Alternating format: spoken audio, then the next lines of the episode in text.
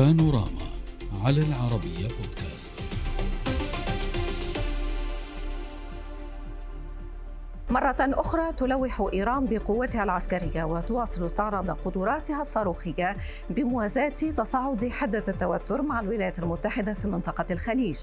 الإعلان الجديد جاء هذه المرة على لسان القوات البحرية التابعة للحرس الثوري الإيراني خلال تدريبات عسكرية قالت إنها ضرورية لحماية أمن إيران من أي اعتداء خارجي.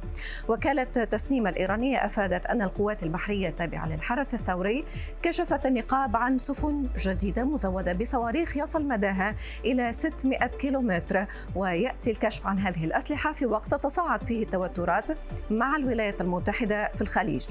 الشهر الماضي مشاهدينا أرسلت الولايات المتحدة الأمريكية مزيدا من الطائرات المقاتلة من طراز F-16 و F-35 إلى جانب بارجة حربية إلى الشرق الأوسط في محاولة لمراقبة الممرات المائية الرئيسية في المنطقة بعد احتجاز إيران سفن شحن تجارية في الأشهر القليلة الماضية بحسب الرواية الأمريكية. نناقش هذا الموضوع مع ضيوفي من جدة الدكتور عبد العزيز بن صقر رئيس مركز الخليج للأبحاث. أهلا بك ومن طهران المحلل السياسي محمد صادقيان. أهلا بكم ضيوفي الكرام واسمحوا لي أن أبدأ من طهران معك سيد صادقيان. إيران تحشد في الخليج تعزز قدرتها العسكرية. ما الذي تريده؟ إيران يعني إيران تعيش حالة وقراءة معينة للتطورات التي تحدث في المنطقة، تحدث في داخل إسرائيل، في داخل الولايات المتحدة، هناك في الولايات المتحدة استحقاق انتخابي، في إسرائيل هناك اضطرابات كثيرة تدفع رئيس الوزراء الإسرائيلي نتنياهو ربما بالقيام بعمل ما عسكري ربما خارج الحدود حدود الأراضي الفلسطينية المحتلة، في المنطقة أيضا هناك الكثير من التطورات وبالتالي هناك قراءة ايرانيه تعتمد على هذه المتغيرات المحلية والإقليمية والدولية ولكن تعتمد عليها, عليها تشعر كيف تشعر بالخوف؟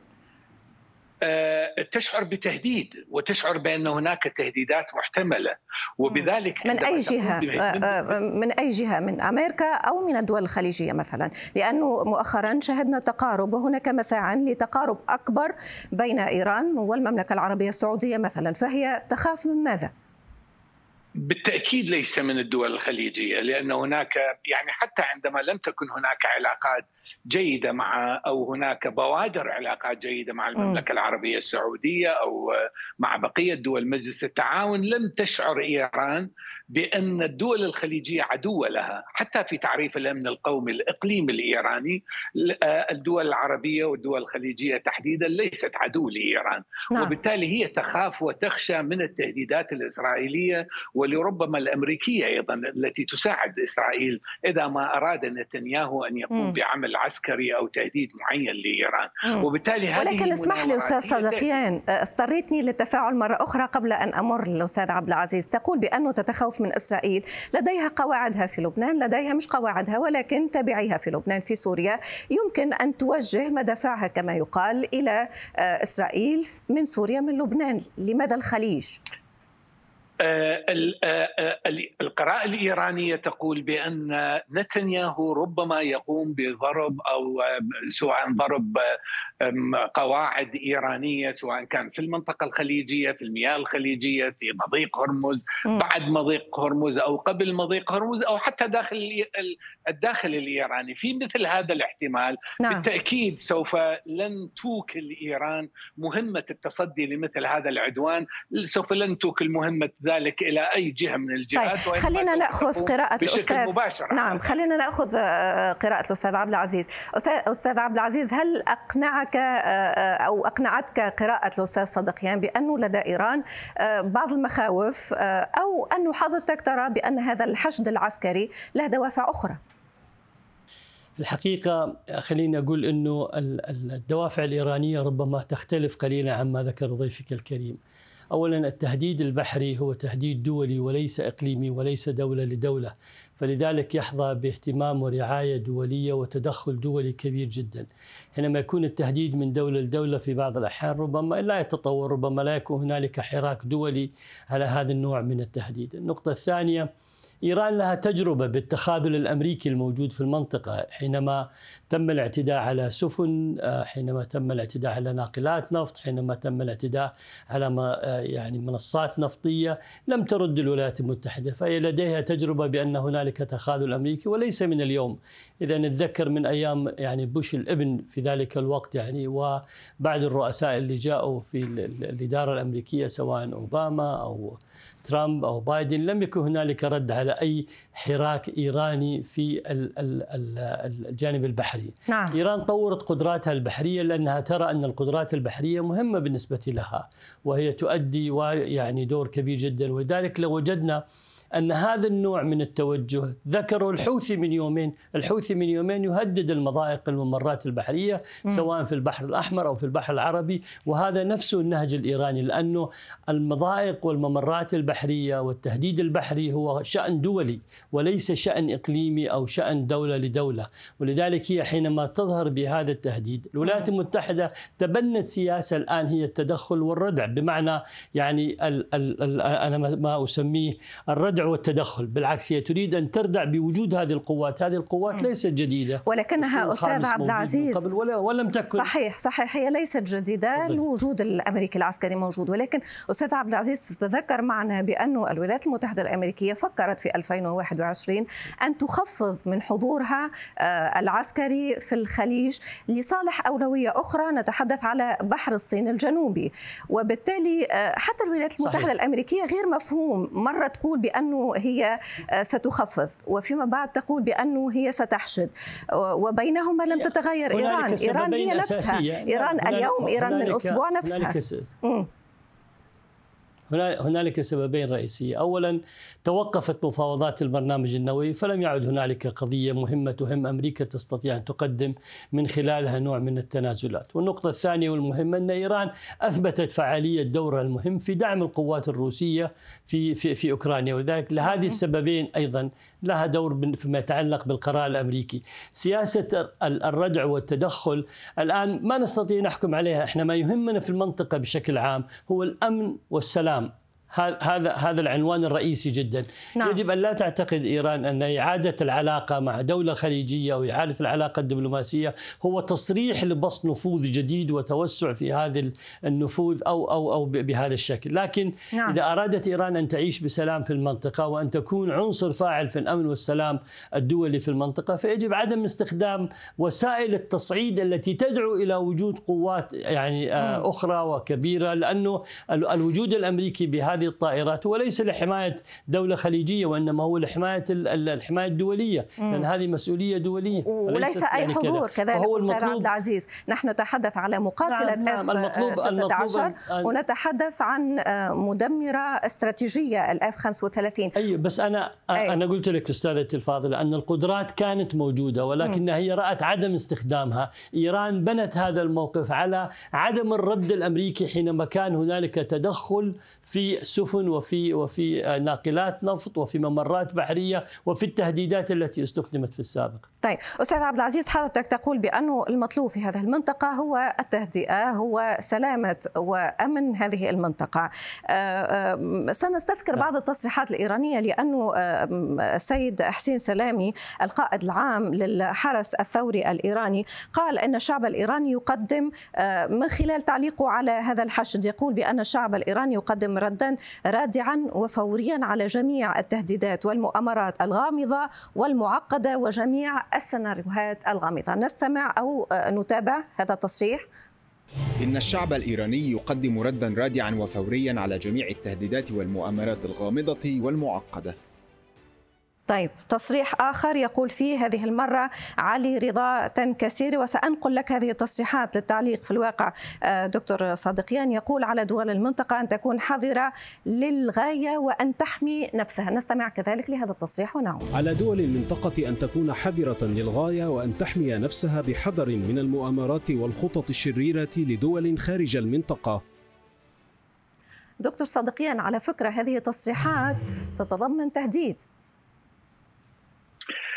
أيضا حسين سلامي وحتى تنكسيري قائد البحرية التابع للحرس الثوري قال أيضا بأن رسالة هذه المناورات للدول الخليجية هي رسالة رسائل محبة وسلام والدول الخليجية هي دول شقيقة لإيران وبالتالي يعني أعتقد بأن النقطة الرئيسية التي تندفع من خلالها إيران لإجراء مثل هذه المناورات هي قراءتها للتهديدات المحتملة من قبل إسرائيل والولايات المتحدة. كلنا يعلم بأن قبل عشرة أيام جاءت طائرات جديدة أف 16 واف 35 وبارد ولكن خليني أفهم كيف هذا الحشد العسكري هو ولكن خلينا نفهم كيف هذا الحشد العسكري هو رسالة طمأنة. أستاذ عبد العزيز هل لديك تفسير فيما يخص آه، هذه القراءة؟ يعني هذه الرؤية الإيرانية أنا أتفهم أن إيران تعتقد أن الوجود الأمريكي في المنطقة هو عنصر مهدد لأمنها. ولكن السؤال لو عدنا إلى سبب هذا الوجود الأمريكي وسبب هذه الكثافة العسكرية هو بسبب التصرفات الإيرانية. لو, لو إيران أزالت هذه التصرفات وأزالت هذا العنصر من التدخل في الشؤون الداخلية في المنطقة وأسلوب التهديد الذي تستخدمه والتصعيد والكذا لما كان هنالك مبرر لوجود هذه فإذا أرادت خفض هذه القوات أو عدم وجودها فعليها أن تغير من السلوك. هذا السلوك ما زال قائم. نحن نتفهم أن في الأجندة الإيرانية أولوية التهديد والتهديد الوجود القوات الأمريكية ولكن لابد أن نبحث في سبب وجود هذه القوات. لو لم يكن هنالك تهديد إيراني لدول المنطقة وللممرات البحرية كم تصريح صدر من مسؤول إيراني يهدد بإغلاق مضيق هرمز؟ مضيق هرمز ليس ملكا لإيران أو الدول الخليج هو ممر دولي تمر عبره يعني ملايين الأطنان يوميا من الطاقة ومن المنتجات طبعا. فما يمكن يعني فهو المطلوب غير السلوك غير التصريح خفض التصعيد حتى تستطيع أن تطبع علاقة. إذا طبعت العلاقة فأنت استطعت أن توجد نوع من التعاون المفاهمة والاستثمار المشترك والمصالح. م. أنا ما يمكن أعتبرك إنك أنت أخ وشقيق لي مثل ما تفضل الدكتور محمد انه إنه بهذا النوع من التهديد بهذا النوع من الإرهاب الذي تعرض علي من حقك أن تطور قدراتك ومبروك إنك أنت تطور قدراتك العسكرية وبرافو عليك إنك تطور قدراتك العسكرية لكن حينما تستعرضها علي بهذا الشكل فأنا بالنسبة لي رسالتها ليست رسالة حب وسلام وإنما رسالة تهديد. دكتور صادقيان هل يمكن لإيران أن تغير من سلوكها؟ وإن لك تعليق طبعا فيما تفضل به الأستاذ نعم. عبد العزيز. آه، دعيني أذكر خلال الجولة التي قام بها وزير الخارجية الإيراني حسين أمير عبد اللهيان إلى دول مجلس التعاون وخلال الزيارة المهمة التي قام بها وزير الخارجية السعودي فيصل بن فرحان إلى طهران تم عرض رؤية إيرانية آه، أو اقتراح إيراني لإنشاء تحالف إقليمي من إيران ومن دول مجلس التعاون الخليجي لتحالف بحري.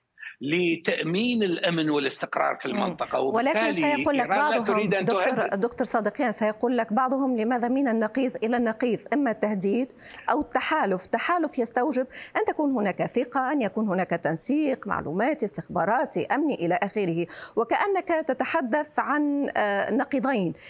آه، في المسافة الوسط هناك آه، تدرج تدرجات أخرى آه، يتحدث عنها مثلا أستاذ عبد العزيز يقول بأنه هي يمكن أن تتمحور حول سلوك جديد لإيران.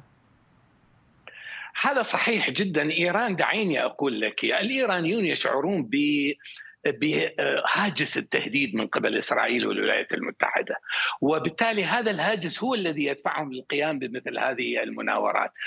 وعندما طرحوا فكرة التحالف البحري بين دول المنطقة لتأمين الأمن والاستقرار وحرية الملاحة في المياه الخليجية ومضيق هرمز وبحر العرب وبحر عمان هي تنطلق من هذا الانطلاق أنه هذا التحالف البحري الإقليمي يستطيع أن يقف أمام التهديدات المحتملة التي تتعرض إليها المياه الإقليمية والمياه مياه المياه الخليجية تحديدا وبالتالي أنا أعتقد بأن استجابة الدول دول مجلس التعاون للفكرة نعم. الإيرانية وتنضيجها بما يحقق مصالح ليس في إيران وإنما يحقق مصالح كل دول المنطقة المتشاطئة على المياه الخليجية، أنا أعتقد هذا من شانه أن يعزز التفاهم ويطرح الكثير من القضايا من أجل تحقيق المصالح المشتركه نوضح لكل الدول أستاذ صادقيان خلينا نوضح أكثر. ما الذي يطلب من دول الخليج باختصار شديد حتى انقل هذا المطلب للأستاذ عبد العزيز؟ أنا أعتقد بأنه يجب أن يكون هناك تفاعل مع الطروحات الإيرانية سواء في جانبها العسكري أو في ليس هناك تفاعل؟ لحد الآن لا؟ لحد الآن لم نسمع. أستاذ عبد العزيز. لحد الآن لم نسمع مثل هذا التفاؤل وهناك مشروع سياسي أيضا في مشروع الأمن أو مؤتمر أو طيب. منتدى الأمن والتعاون بين إيران والدول الخليجية. مثل هذه الأجواء في ظل الأجواء التي الأجواء الإيجابية التي تسود إيران ودول التعاون مع السعودية. أنا أعتقد بأنه حضرتك وهذا المطلب الإيراني كما تقرأه طبعا الأستاذ عبد العزيز. اتفاق بكين أوجد العلاقة الثنائية بين المملكة وإيران. وزير الخارجية السعودي سمو الأمير فيصل حينما زار طهران تحدث عن القضايا الإقليمية أن ما زالت مهدد للأمن الإقليمي وأنه لا يمكن تغافلها وتجاهلها. إيران تريد أن تتعامل piece by piece هي تريد القطع أجزاء جزئيات تتعامل معها دون النظرة إلى شمولية كاملة. لا يمكن أن يكون هنالك استقرار في المنطقة دون أن يكون هنالك منظومة أمنية يتفق عليها جميع الأطراف. نعم. هذه المنظومة تبنى على ثلاثية.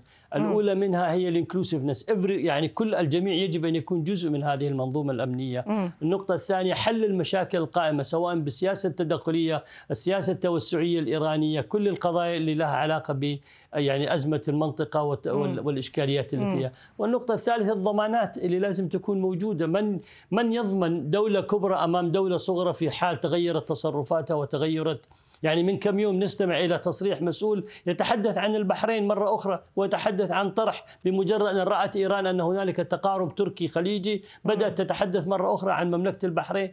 فها يعني تغير السلوك هذا يجب أن يكون نابع من من صدق داخلي وقناعة داخلية داخل النظام الإيراني باختلاف آه، تغيير تغيير السلوك.